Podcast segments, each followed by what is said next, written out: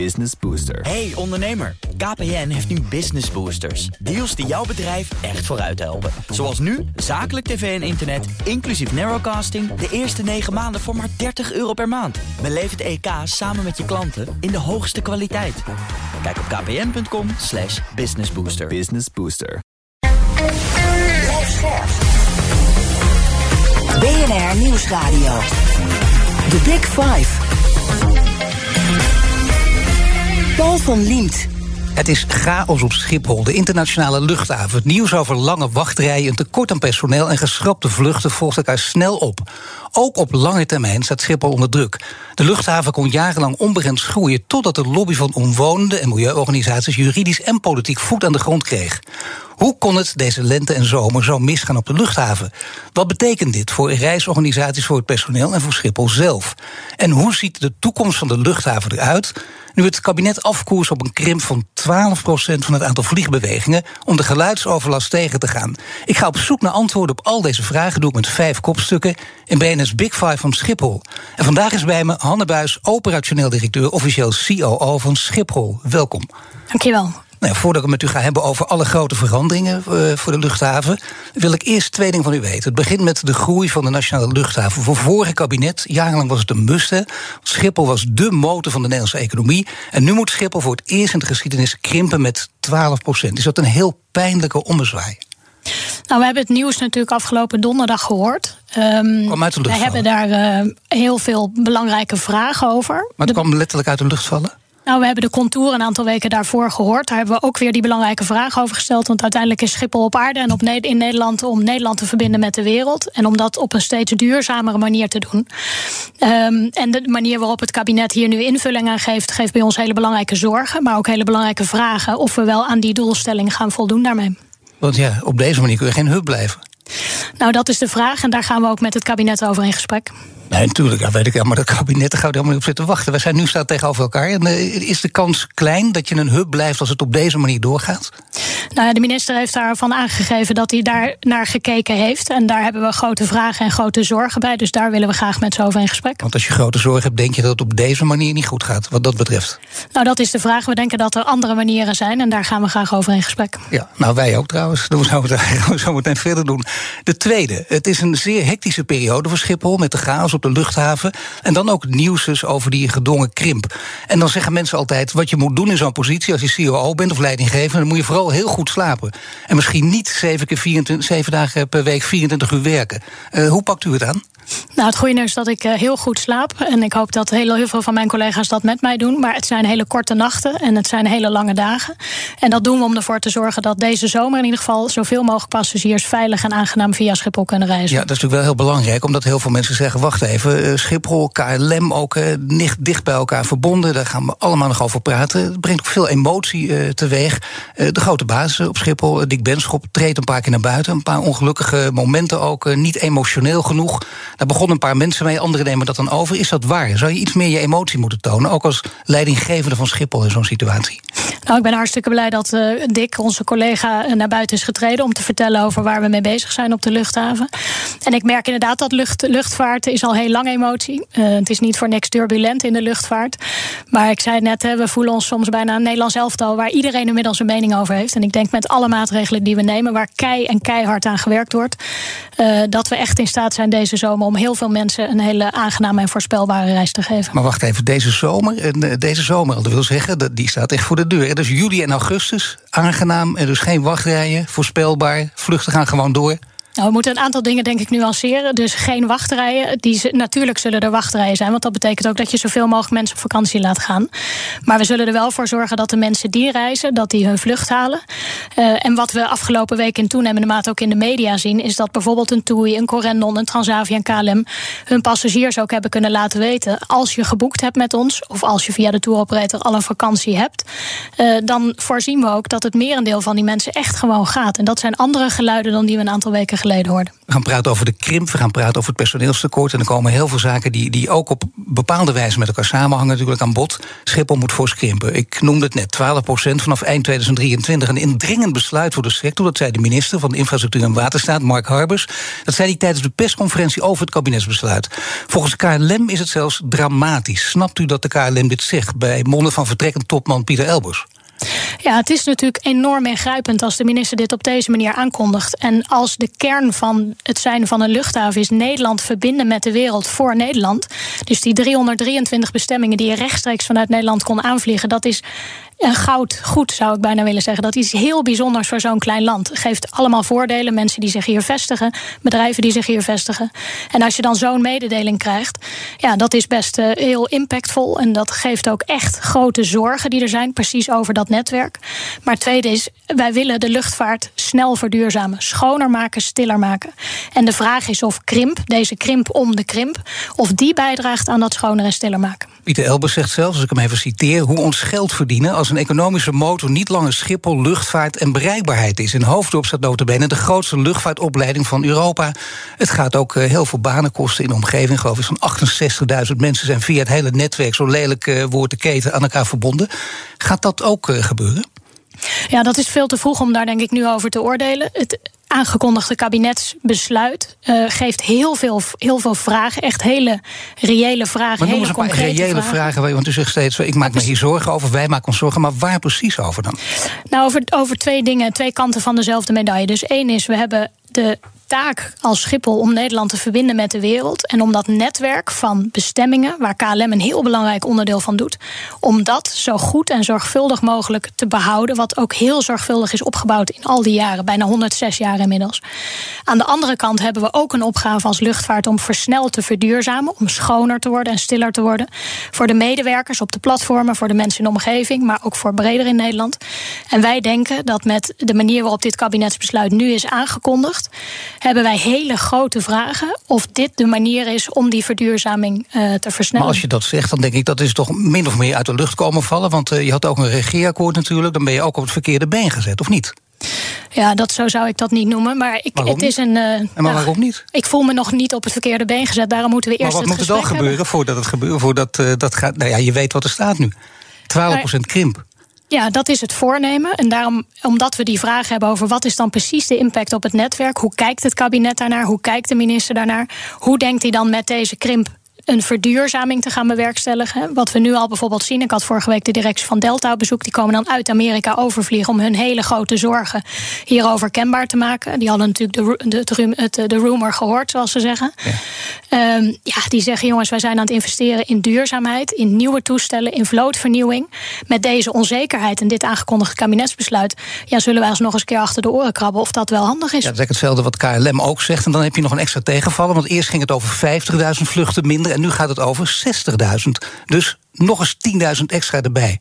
Ja, nou, en dat zal onderwerp van dat belangrijk gesprek met de minister zijn. Hoe kijkt hij hier nou? Hoe kom je op zo'n getal? Hoe denkt hij dat het netwerk van luchtvaartmaats of van eh, bestemmingen behouden kan blijven maar voor de toekomst van open, Nederland? Open gesprekken zijn goede argumenten. Hebben jullie daar gewoon in mee? Of zeg je van nou, we hebben, jullie hebben natuurlijk ook je eigen berekeningen. Dit is sowieso onhoudbaar. Dit kan niet wat hij nu voorstelt. Wij gaan eerst het gesprek met hem aan en dan zullen we oordelen. Nee, maar ik bedoel, je hebt toch van tevoren een idee. Je weet toch wat hier, wat hier gewoon binnenkomt. En dan denk je toch van, nou, dit is echt onmogelijk. Of is, dit, is zelfs dit ook bespreekbaar? Is dit, laten we zeggen, een van de opties?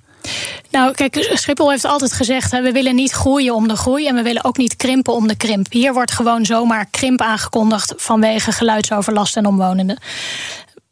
Wij denken dat we hebben echt grote zorgen over drie onderdelen. Eén is wat ik net zei, dat netwerk van verbindingen. Uh, en wat gaat zo'n krimpbesluit van de minister daarop doen? Hoe wil hij dat überhaupt uitvoeren? Er zitten grote vragen achter. Het tweede is, hij heeft aangekondigd dat hij naar een oud geluidsstelsel wil, waar we juist met z'n allen sinds 2013 eigenlijk vanaf wilden, omdat het beter was voor de omgeving. Hij zegt, we gaan terug naar dat oude stelsel.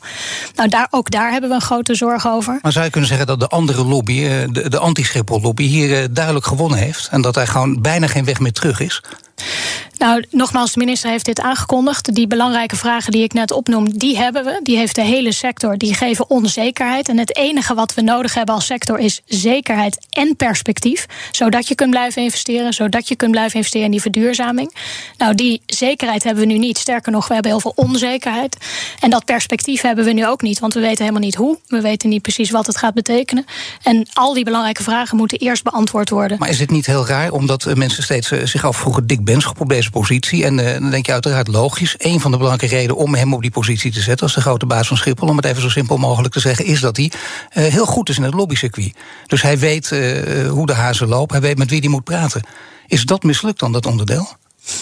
Nou, dat, dat dat is absoluut iets waar ik uh, natuurlijk geen. Uh, dat zijn jouw woorden. Nou ja, maar jullie um, zitten toch in de raad, je zit in de raad van bestuur, jullie praten met elkaar, het is een klein clubje bij elkaar. Dan denk je toch, wat, wat is hier dan misgegaan? Dat degene die zo goed kan lobbyen dit niet zag aankomen. Nou, volgens mij is het regeerakkoord superhelder. En dat zegt iets over perspectief. Dat zegt iets over zekerheid voor de luchtvaartsector. Dat beschrijft een heel aantal onderdelen.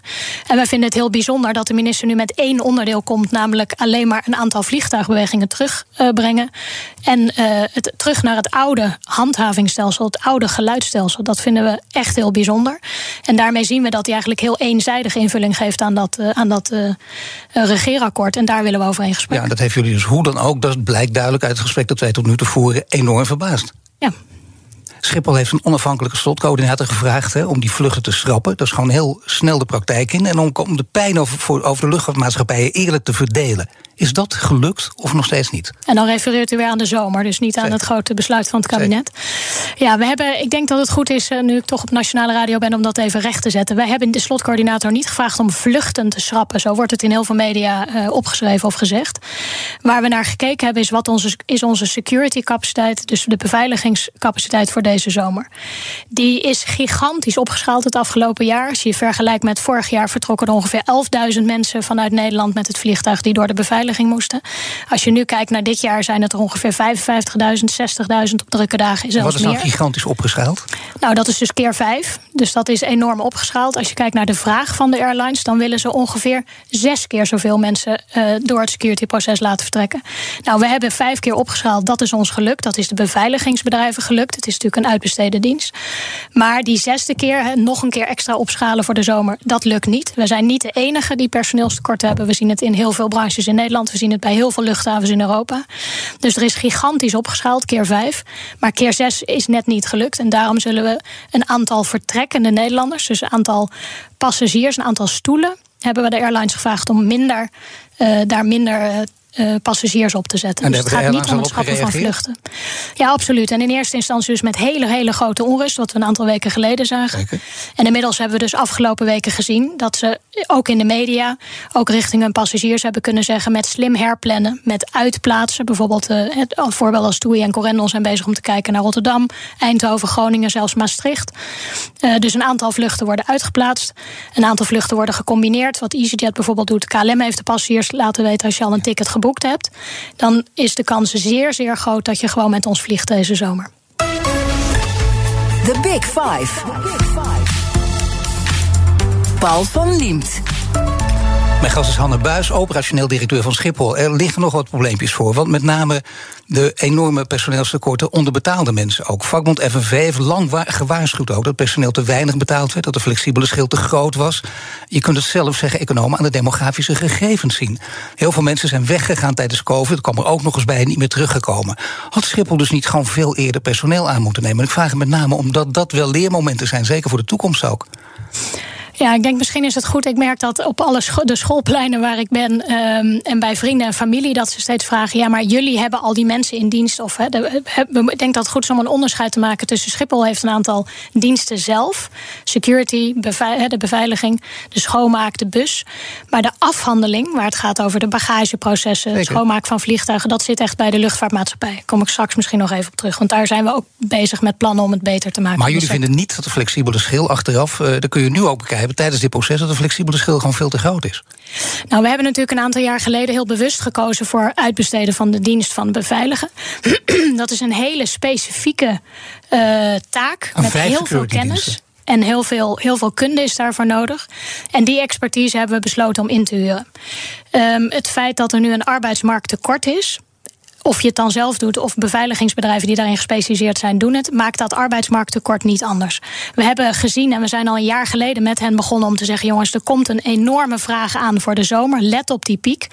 Nou, zowel de luchtvaartmaatschappijen als de securitybedrijven hebben gezegd: Schiphol, weten jullie dit wel heel zeker, dat hele hoge scenario? We hebben gezegd: we weten het heel zeker. We willen graag dat jullie je voorbereiden om zoveel mensen te kunnen leveren dat we al die passagiers kunnen laten vertrekken. Maar toch, die securitydiensten, er zijn mensen die ook op dat niveau daarvoor kunnen werken. En eh, dat er kort zachtje aankomen. Dat zagen ook sommige vliegtuigmaatschappijen vanochtend in de Telegraaf. Zeggen een aantal van hen ook. Wij hebben ook aangeboden in de gesprekken die we met jullie, met Schiphol gevoerd hebben. dat we gewoon eigen mensen af kunnen staan aan jullie. Wij kunnen zorgen dat de mensen komen om dit probleem mee op te lossen. Waarom zijn jullie daar dan niet op ingegaan? Ja, dus wat we met de. We hebben inderdaad vijf beveiligingsbedrijven, waarvan er drie actief zijn in het passagiersproces. En we hebben hen een jaar geleden gezegd: ga nou maar opschalen naar die hele hoge vraag die wij hebben. We hebben ons zelfs garant gesteld voor de mensen die ze zouden kunnen werven en eventueel op de bank zouden moeten zitten als dit hoge scenario toch niet uh, zich zou verwezenlijken. En het is hen desondanks, ondanks de garantstelling, niet gelukt om dat te organiseren. Nou, wij zijn inmiddels bezig met drie actiesporen om te kijken hoe we het beter kunnen maken. Eén is dat we zorgen voor meer mensen. Dus inmiddels zijn we bezig met de beveiligingsbedrijven uit Noord-Nederland, Oost-Nederland, ZZP'ers. Nou, de beroemde vraag van het leger is, uh, is zelfs gesteld. Nou, het leger, de Marshall Nee, maar het allemaal oplossingen die zijn aangedragen waar niet op in is gegaan. Dat, dat wekt enige woede om het te zacht uit te drukken bij luchtvaartmaatschappijen. Ja, nou, ik moet zeggen dat we, hebben, uh, we zijn vol bezig om alle opties die aangereikt worden uh, uit te lopen. Dus Daar ook is... die security mensen die aan worden gereikt, waar ik, wat ik net zei, die aan werden gereikt, die, daar gaan jullie ook misschien wel op in. Absoluut. We hebben een team van vier mensen zitten die alle opties die er zijn aflopen. Soms lukt dat, soms lukt het niet. Bijvoorbeeld buitenlandse medewerkers is gevraagd, hè, kunnen die niet inspringen uit Frankrijk, Spanje. Maar dan zie je dat we weer een taaleis hebben, bijvoorbeeld in de security lane. Dus dat is lastig. Maar ik kan u garanderen dat alle opties die aan ons worden aangeboden, helemaal worden uitgelopen. En soms om juridische redenen of anderszins uh, kan iets niet. Maar die worden allemaal uitgelopen. Toch zijn veel mensen natuurlijk in de loop van dit proces, uh, laten we zeggen, sceptisch geworden. Want op 23 april, in de aanloop naar het besluit, ik citeer even, brak een wilde staking uit onder de bagagemedewerkers. Dat weten we allemaal nog op de luchthaven. En die waren vooral boos over de hoge werkdruk En de weken daarna ja, regelmatig die ellenlange wachtrijen. En daarna is er inderdaad een akkoord gesloten met een zomerbonus. En na de zomer is voor een deel van de werknemers een toeslag bedongen. dan zeggen veel mensen, waarom kon het niet veel eerder? Waarom pas nadat het enorme rumoer, rumoer is losgebroken... en dat de media er vol opdoken? Ja, ik denk, kijk, dus ik ben ontzettend trots op wat we hebben gedaan met dat sociaal akkoord. Als ik kijk wat we hebben gedaan, het is echt uniek in de sector en zelfs wat ik zie in Europa dat we dat doen. Niet alleen voor onze eigen medewerkers van security en de schoonmaak en de bus, maar we hebben eigenlijk ook het bonnetje, om het maar zo te zeggen, opgepakt van de mensen die in de afhandeling werken. Ja, maar ik bedoel dus eigenlijk vooral, jullie zagen dit ook aankomen, dat blijkt uit het verhaal dat u nu ook vertelt. Maar dan waarom pas na al het rumoer en al die media-aandacht, waarom dan pas besluiten toe te slaan? Ja, ik denk dat we hebben gezien dat dit op dit moment nodig was. En alles heeft jullie, dat tijd. kan ook, dat kan ook. En misschien, klinkt misschien hard, maar je zou kunnen zeggen... we hebben gewoon toen inderdaad de gok genomen... dat het misschien net goed zou uitpakken. Oh, ik denk dat we geen gok genomen hebben. Want we wisten wat voor verkeer en vervoer er op ons afkwam. We zijn met de beveiligingsbedrijven, als we het weer hebben over security... in gesprek gegaan. We hebben hen de garantstelling gegeven... werf zoveel mogelijk mensen als je kunt. En dan nog hebben we moeten concluderen met hen... dat dat niet gelukt is. En daarom zullen we voor de zomer dus het aantal passagiers... dat kan vertrekken moeten aanpassen. Nou ja, goed maar dus pas na die druk en na die enorme rumoer in de media. Want anders was het niet gebeurd, denken veel mensen dan. Dat Hadden u dat zonder die rumoer ook, dat zou kunnen? Dat er dan niks gebeurd was? Nee, we hebben natuurlijk gezien dat de situatie het nodig maakte om, om dit te doen. En we zijn ontzettend trots dat we dat samen met de vakbonden op deze manier uh, hebben kunnen doen. Ja, de vakbonden zijn er wat minder trots over. Daar gaan we de loop van deze week nog uitgebreid over spreken. Maar gaat Schiphol nu zelf meer in huis uitvoeren? Het zogenaamde uh, inbesteden. Dat zei uh, Dick Benschop, ik meen zelfs vorig jaar nog. Ja, kijk, ik denk dat het belangrijk is. We hebben altijd een afweging gemaakt. Moet je een dienst inbesteden? Of moet je, een, moet je mensen gewoon in eigen dienst hebben? Of wil je diensten uitbesteden? Bij het besluit om security uit te besteden, heeft echt het punt gespeeld van de kennis, de vaardigheden, de complexiteit van, van uh, security. En daar hebben we voor gekozen om dat uit te besteden. En ook aan vijf partijen, zodat je niet van één partij afhankelijk bent. Zij hebben die expertise. En daar zijn we tot nu toe hartstikke blij mee met hoe ze dat invullen. Als je mensen tegelijkertijd. Nu wel, tegelijkertijd? Nou, tegelijkertijd loopt er natuurlijk een vraag, en dat hebben we ook met de vakbonden in het sociaal akkoord zo weer afgesproken. Elke keer als de vraag zich aandient, moeten we iets inbesteden of moeten we het uitbesteden, of een contract loopt af voor zo'n uitbesteden dienst, dan gaan we met hen om de tafel en dan gaan we kijken, is dit een moment om te heroverwegen of niet? De lopende contracten dienen we uit. dat, daar, zullen we, daar zijn we eh, ook met de partijen over in gesprek. Maar steeds als zich een nieuw contractmoment aandient, gaan we daarover met de bonden in gesprek. En, sowieso, En als je nieuwe mensen wil aannemen, zou ik bijna zeggen, ja, dan wordt het moeilijk. Want ja, die zien ook wel het negatieve nieuws en denken, nou, ik heb geen zin om al die, die rotzooi over me heen te krijgen. Ik ga overal werken, maar niet bij Schiphol. En zeker niet in deze tijd van arbeidsmarktkrapte. Merken jullie dat ook? Nee, dat merken we gelukkig niet. Dat merk je niet? Ehm, nee, want we hebben bijvoorbeeld twee banenmarkten gehad. En daar hebben we gezien, zelfs op de laatste banenmarkt, dat 1500 mensen uh, daarop af zijn gekomen. Ter plekke soms als uh, contract hebben getekend om bij de securitybedrijven te gaan werken. Hoeven dan alleen nog opgeleid te worden. Maar dan denken ze misschien dat ze meer geld krijgen. En dat is ook zo voor korte termijn. Misschien zelfs voor een jaar. Maar waarom niet dan zeggen dat doen we gewoon structureel? Ze krijgen altijd meer betaald. Omdat we nu uh, met de problemen van nu te maken hebben en die willen oplossen. En ik denk al dat het uniek is dat we dat een jaar, bijna anderhalf hebben doorgetrokken. En wat we zien aan de, aan de medewerkers die elke dag die passagiersreis mogelijk maken, dat die ongelooflijk hard werken, super enthousiast zijn en heel trots zijn op het bedrijf waar ze werken. Nou wordt vliegen duurder, ook door brandstof, door kerosineprijzen. Er moeten dus keuzes worden gemaakt. Welke vluchten zijn het belangrijkst om te blijven uitvoeren? Want die keus uh, die kun je nu al maken, althans je kunt een aantal scenario's gaan schetsen. En welke vluchten moeten sowieso blijven bestaan? Want welke zijn echt zo belangrijk voor Schiphol? Ja, dat komt weer terug op wat de opdracht is van Schiphol. En dat is Nederland verbinden met de wereld. En dan gaat het met name over die economische centra die belangrijk zijn voor Nederland vanwege handel, vanwege familierelaties, et cetera. Nou, daar, is een, uh, uh, daar zijn hele lijsten voor en hele studies van allerlei bedrijven die daar naar gekeken nee, hebben. Overheid studies, commissies, naar. Maar we kunnen, dat is er zo lang over nagedacht. Dan kun je toch even de scenario schetsen. Wat is in ieder geval de belangrijkste? Ja, je kunt niet één, één bestemming noemen. Het zijn bestemmingen in Amerika, Afrika. Dus op elk continent is het een zeggen, aantal Amerika, in ieder geval New York, eh, maar, maar de, de, de westkust is iets minder belangrijk. Je hebt altijd je hebt urgent en belangrijk, of heel belangrijk en belangrijk. Ja, nou zo zou je alle 333 bestemmingen die Schiphol had voor corona kunnen indelen. En wat je met name ziet, je had vroeger natuurlijk de BRIC-landen die in opkomst waren, maar Amerika was al heel belangrijk. Wat kan er uit in ieder geval? Nou, dat, dat is op dit moment veel te vroeg om daarover te oordelen. Er kan niets uit. Dat maakt uh, dat, maar, dat hangt af van wat het kabinet met Schiphol en daarmee met de verbondenheid van ja, Nederland wil. Dat begrijp ik, maar er zal iets moeten gebeuren. Dus ik zou zeggen, de korte afstandsvluchten, dat is toch bij, over uh, rumors gesproken. Daar heeft bijna iedereen het over, niet alleen op schoolplein. Kun je zeggen, die mogen er toch ook uit, of niet? Of hebben jullie zelfs dat niet in je hoofd? Nou, sterker nog, we hebben een initiatief en dat heet Air-Rail... om te kijken hoe we passagiers op korte afstandsvluchten... samen met KLM, samen met de NS... Uh, eh, juist inderdaad met de trein kunnen laten gaan. Daarom worden er nu verbouwingen gedaan aan het station bij Schiphol. En we zijn aan het kijken of dat een alternatief is lang niet altijd een serieus alternatief. Dat weten we inmiddels heel goed. De luisteraars naar onze zender weten dat ook. We hebben het er heel veel over gehad. Dat, dat, dat wijzen nou wel die rapporten uit. Maar kunt u niet iets zeggen? Lang, korte afstandsvluchten bijvoorbeeld. Die gooien we eruit. Nou, je weet het, dat, dat, gaat, dat is weer die onafhankelijke dus slotcoördinator. Ook naar Barcelona, ook naar, eh, noem maar op, dat zou kunnen. Ja, de toekomstdroom is natuurlijk dat we de korte vluchten allemaal kunnen vervangen. Of door de trein, of door elektrisch vliegen, of nog andere vormen van mobiliteit. Um, de realiteit is ook dat we op dit moment dat niet altijd kunnen faciliteren. Ook dat is denk ik een goede vraag aan het kabinet. Wat gaan we eraan doen om dat te versnellen? Wij zijn in ieder geval nu samen met ProRail het station aan het verbouwen. Zodat we dat soort overstap, korte vluchten vanaf Schiphol vertrekken mogelijk maken. Morgen is Arjan Kers hier, directeur van de reisbedrijf Toe. Jij is hier te gast. Abonneer je op onze podcast via je favoriete podcastkanaal om geen aflevering aflevering te missen. Straks praat ik verder met Hanne Buis, topvrouw van Schiphol. Wat ging er vooraf aan het historische besluit dat de luchthaven moet krimpen? Blijf luisteren. Business Booster. Hey ondernemer, KPN heeft nu Business Boosters. Deals die jouw bedrijf echt vooruit helpen. Zoals nu, zakelijk tv en internet, inclusief narrowcasting... de eerste 9 maanden voor maar 30 euro per maand. Beleef het EK samen met je klanten in de hoogste kwaliteit. Kijk op kpn.com businessbooster. Business Booster. Een berichtje van Odido Business. Hoe groot je bedrijf ook is of wordt, bij Odido Business zijn we er voor je. Met unlimited data en bellen en met supersnel en stabiel zakelijk internet. Ook via glasvezel. Ontdek wat er allemaal kan op odido.nl slash business. Het kan ook zo.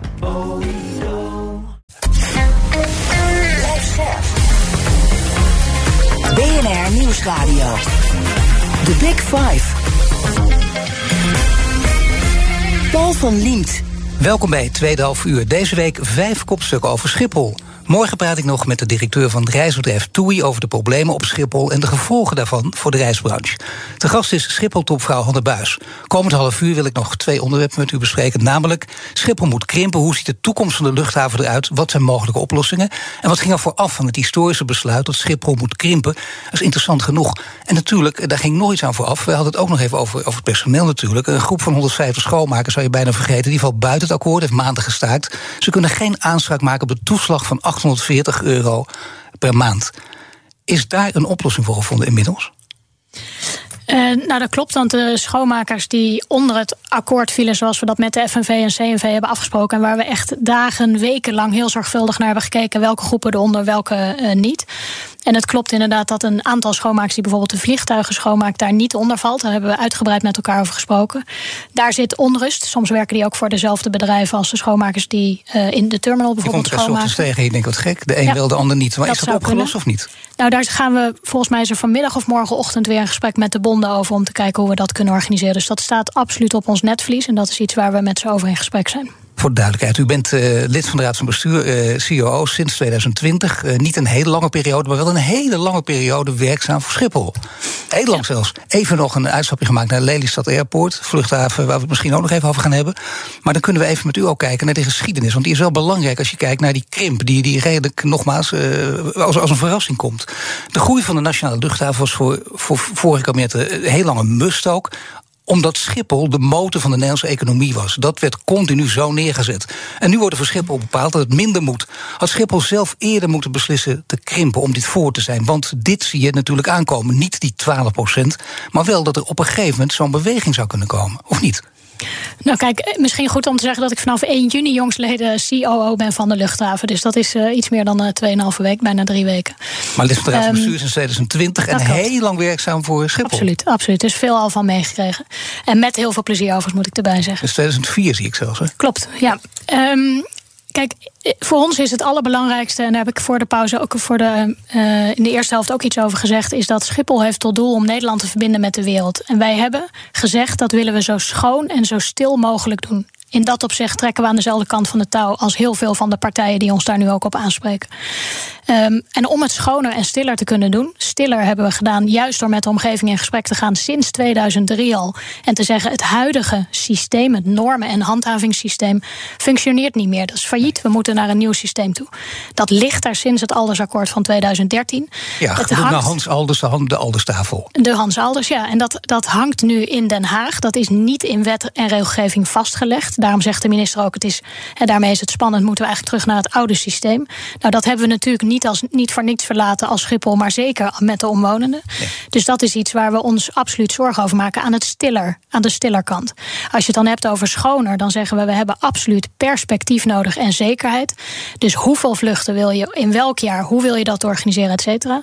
En ik denk als ik kijk naar wat de luchtvaartmaatschappijen spannen zich tot het uiterste in om zuinige vliegtuigen, stille vliegtuigen, schone vliegtuigen naar Schiphol te brengen. Daar stimuleren we ze in door de havengelden, de start- en landingsgelden die ze betalen, duurder te maken voor verouderde, vervuilende toestellen. Dus ze brengen hun nieuwe vloot naar Schiphol vanwege. Nee, dat is allemaal inspanningen, een belangrijke inspanningen. Maar als we even kijken naar de geschiedenis. In 2008, hè, toen werd het in het Aldersakkoord werden echt afspraken gemaakt. En dan zouden minder vluchtbewegingen sowieso plaatsvinden. Voor de periode 2010-2020. Daar zou mee begonnen worden. Dat is niet zo. Het kabinet denkt nu met een inhaalslag bezig te moeten gaan. Omdat het niet anders kan. Omdat je dus uh, in zekere zin de wet aan overtreden bent. Al heel lang. Nou, het, kabinet zegt nu, hè, we willen kijken naar minder vluchten. Um, dat is iets waar we grote vragen over hebben, omdat we ons afvragen of dat bijdraagt aan de doelstelling, namelijk een uh, Nederland verbinden met de wereld. En dan is het ook van belang dat we worden gestimuleerd als hele sector om dat schoner en stiller voor elkaar te krijgen. En daar heb je rust, daar heb je stabiliteit voor nodig en perspectief. Dat hebben we nu niet. En we zien al aan de eerste reacties van, van luchtvaartmaatschappijen dat dat tot onzekerheid leidt. Maar ik heb het even over die, die vluchtbeweging in die periode 2010-2020. Waarom is het toen niet gebeurd? Nou, toen hebben we een periode gezien natuurlijk bij Schiphol van hele grote groei.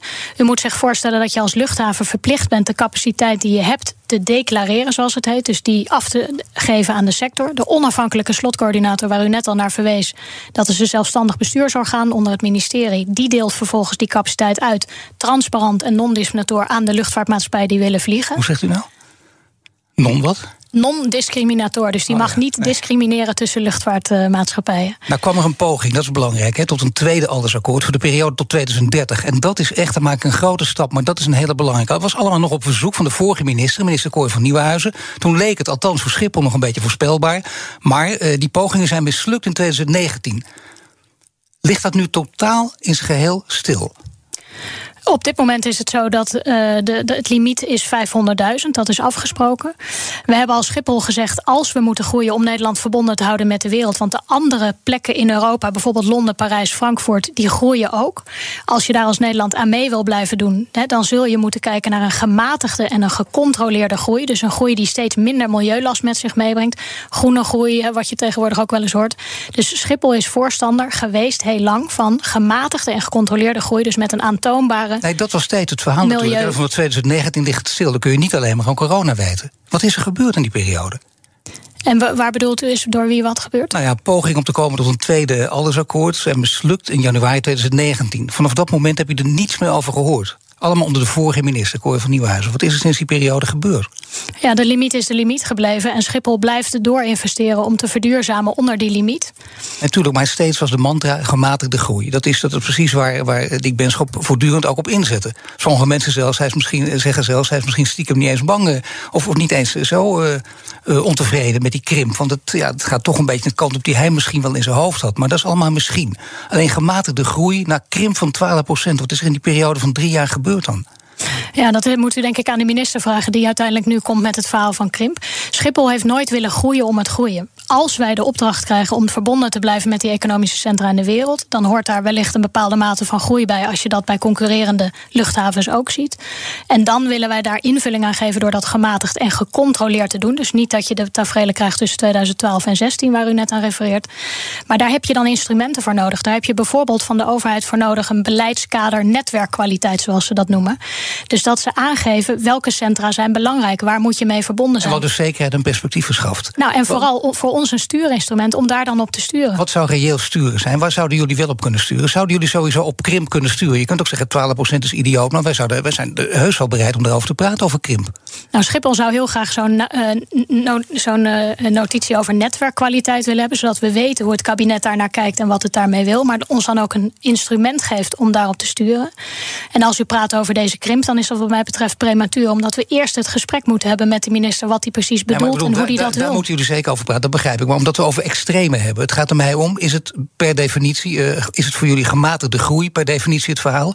Of is er te praten over krimp? En dan heb ik het dus niet over de aantal of hoeveel, maar is er gewoon over te praten?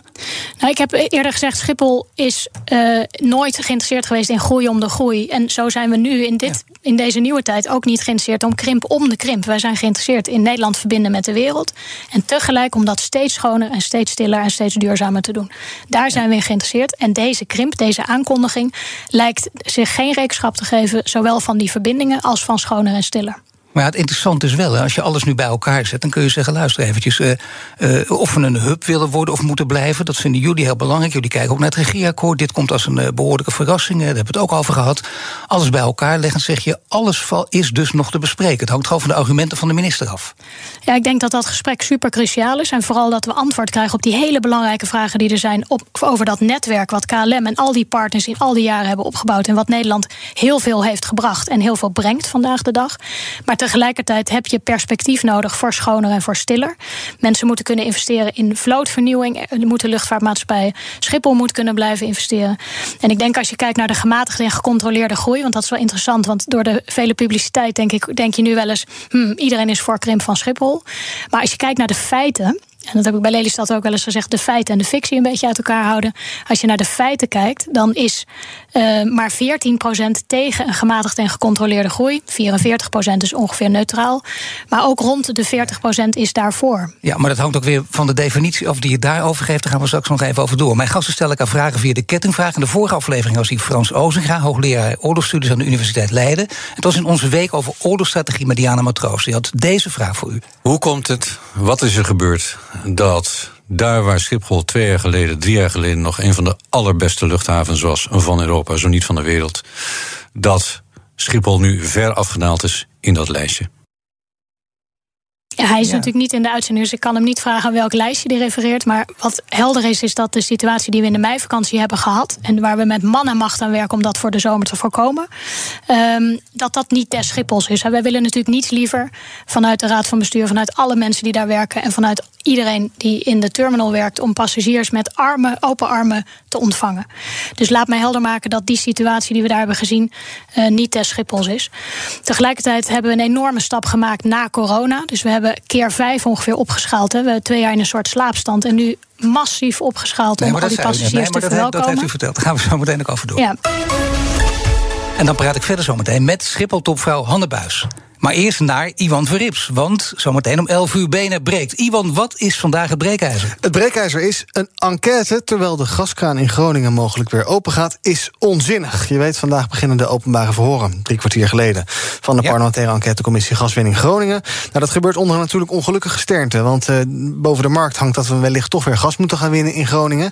Ja, de vraag is een beetje, wat kan zo'n commissie opleveren? Weten we niet eigenlijk al wat dat gas ons opgeleverd ook en ook welke ellende het opgeleverd heeft? En dat je misschien simpelweg gewoon huizen moet gaan versterken en mensen ruimhartig moet gaan compenseren.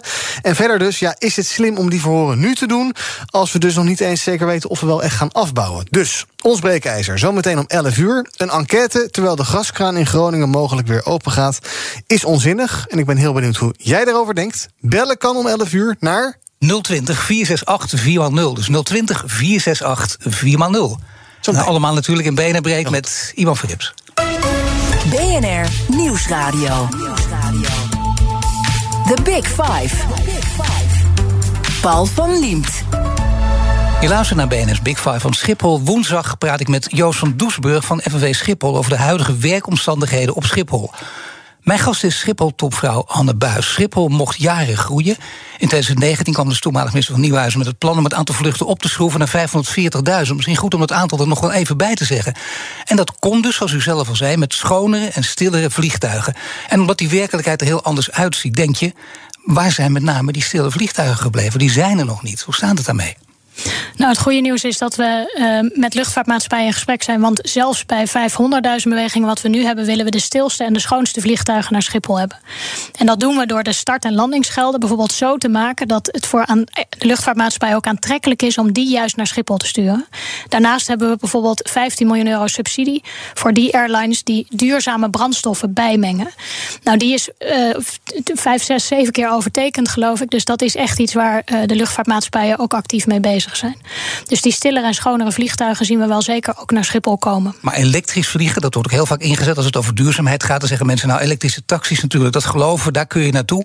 Dat gaan jullie trouwens ook doen, elektrische taxis? Absoluut. Alleen dus maar hebben, 100% dan ook? Ja, dus waar we. Nou, elektrische taxis hebben we al rijden op Schiphol. Elektrische bussen hebben we al rijden op Schiphol. Maar elektrisch we zijn nu ook, niet.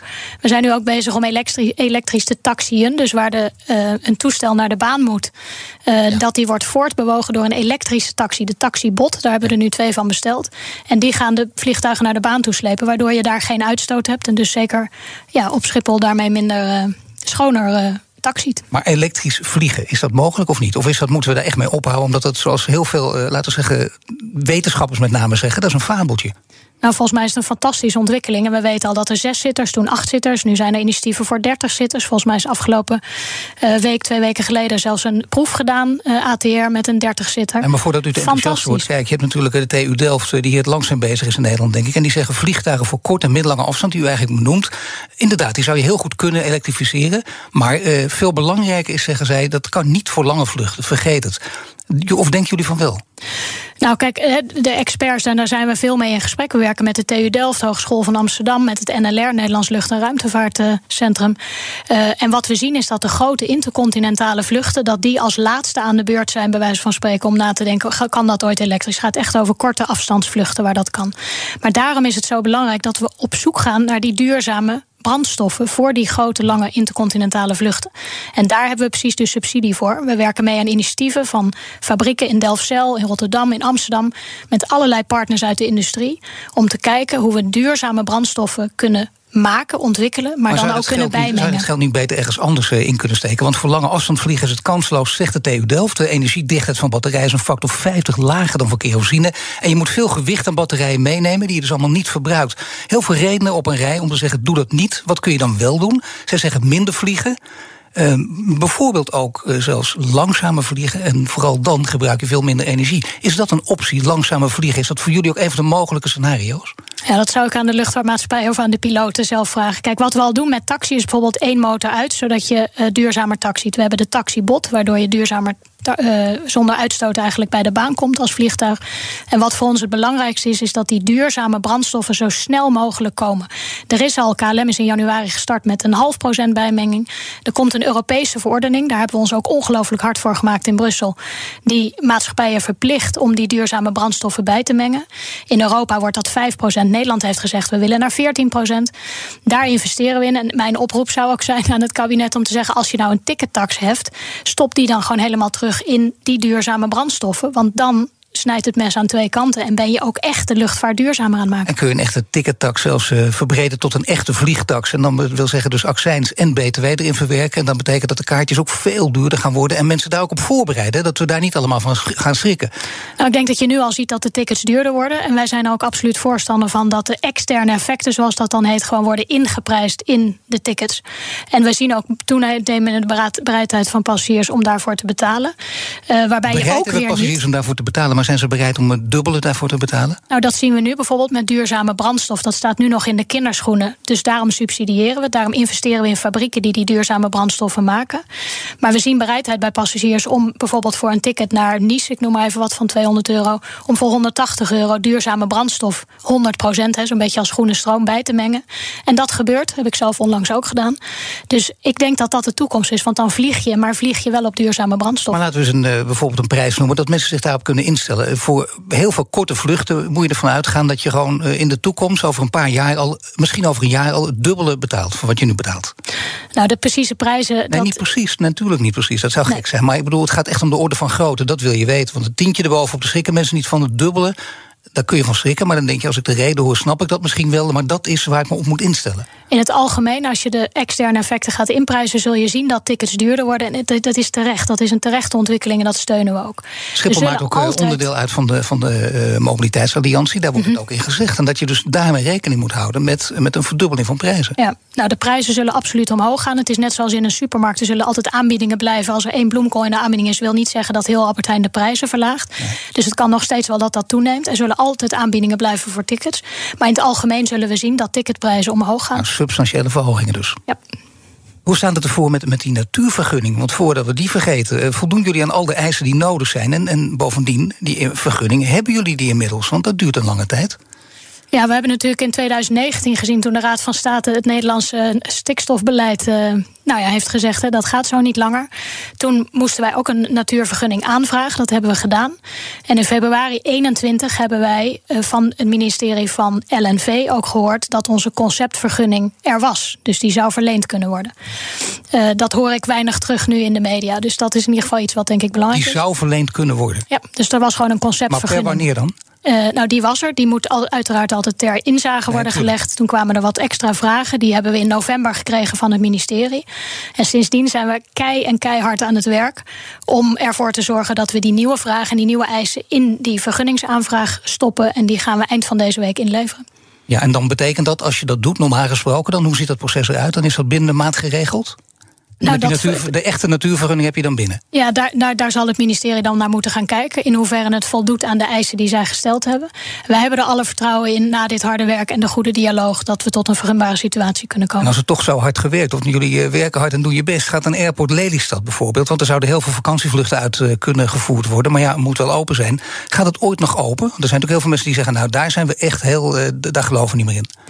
Nou, kijk, ook daar weer heeft het, de, het kabinet in het regeerakkoord een heel helder, helder boodschap geschreven. Namelijk, het kan open, mits er voldaan is aan de voorwaarden. Dus ook voor Lelystad geldt, daar moet een natuurvergunning zijn. Maar je ziet hoe het kabinet jullie kan verrassen. Dat kan dus op dit gebied ook. Of is het vertrouwen nog steeds wel heel groot? Het vertrouwen is dat Lelystad Airport open gaat. En ik moet u zeggen, toen ik diensten liep in de meivakantie om passagiers te helpen op Schiphol, dat ik echt een aantal van hen heel graag had gegund dat ze via Lelystad uh, waren. En wanneer kunnen ze open gaan op zo'n vroegst? Ja, dat hangt dus af van wanneer de natuurvergunning af is, ook voor Lelystad. Maar en dat daarnaast... gaat toch sneller, dus dat zou gewoon per 2024 kunnen? Nou, de minister heeft gezegd, we gaan daar in 2024 opnieuw naar kijken. En er zijn twee voorwaarden voor de minister. Eén is, er moet een natuurvergunning zijn. En twee is, een stukje van een bepaalde route bij Lemelerveld moet worden opgelost. Natuurvergunning komt er snel aan, als ik u goed begrijp. En dat betekent dat de kans is groot erop. Dat betekent dat uh, dat stukje ook nog moet worden opgelost. Dan heb je in die orde van grootte. Maar in ieder geval de komende jaren niet. Nou ja, het zou mij, denk ik, het zou wat mij betreft fijn zijn als de minister het niet koppelt aan een jaartal. Maar dat hij gewoon zegt: er zijn twee uh, voorwaarden: natuurvergunning en een stukje vliegroute. En zodra daaraan voldaan is, gaat het open. Het is een prachtige luchthaven, een hele duurzame met een fantastisch snel proces. Mijn gasten stellen elkaar vragen via de kettingvraag. U mag een korte, bondige vraag stellen aan de volgende gast. Dat is Arjan Kers, directeur van reisbedrijf TUI. Wat wilt u aan hem vragen? Ja, Arjen, we zijn natuurlijk veel met elkaar in gesprek geweest de afgelopen weken. In eerste instantie is iedereen zich uh, enorm een hoedje geschrokken van uh, de regulering, zoals we het hebben genoemd, minder pa vertrekkende passagiers. Inmiddels zag ik in de media dat ook jullie, de mensen die met TUI Fly vliegen, uh, kunnen garanderen dat ze gewoon op vakantie gaan. Ik ben benieuwd voor alle luisteraars ook, wat is er achter de schermen allemaal gebeurd om dat mogelijk te maken? Dankjewel, Hanne Buis. Alle afleveringen van BNS Big Five zijn terug te luisteren. Abonneer je op onze podcast via onze app of je favoriete podcastkanaal om geen aflevering te missen. Business Booster. Hey ondernemer, KPN heeft nu Business Boosters. Deals die jouw bedrijf echt vooruit helpen. Zoals nu, zakelijk tv en internet, inclusief narrowcasting... de eerste 9 maanden voor maar 30 euro per maand. Beleef het EK samen met je klanten in de hoogste kwaliteit. Kijk op kpn.com businessbooster. Business Booster.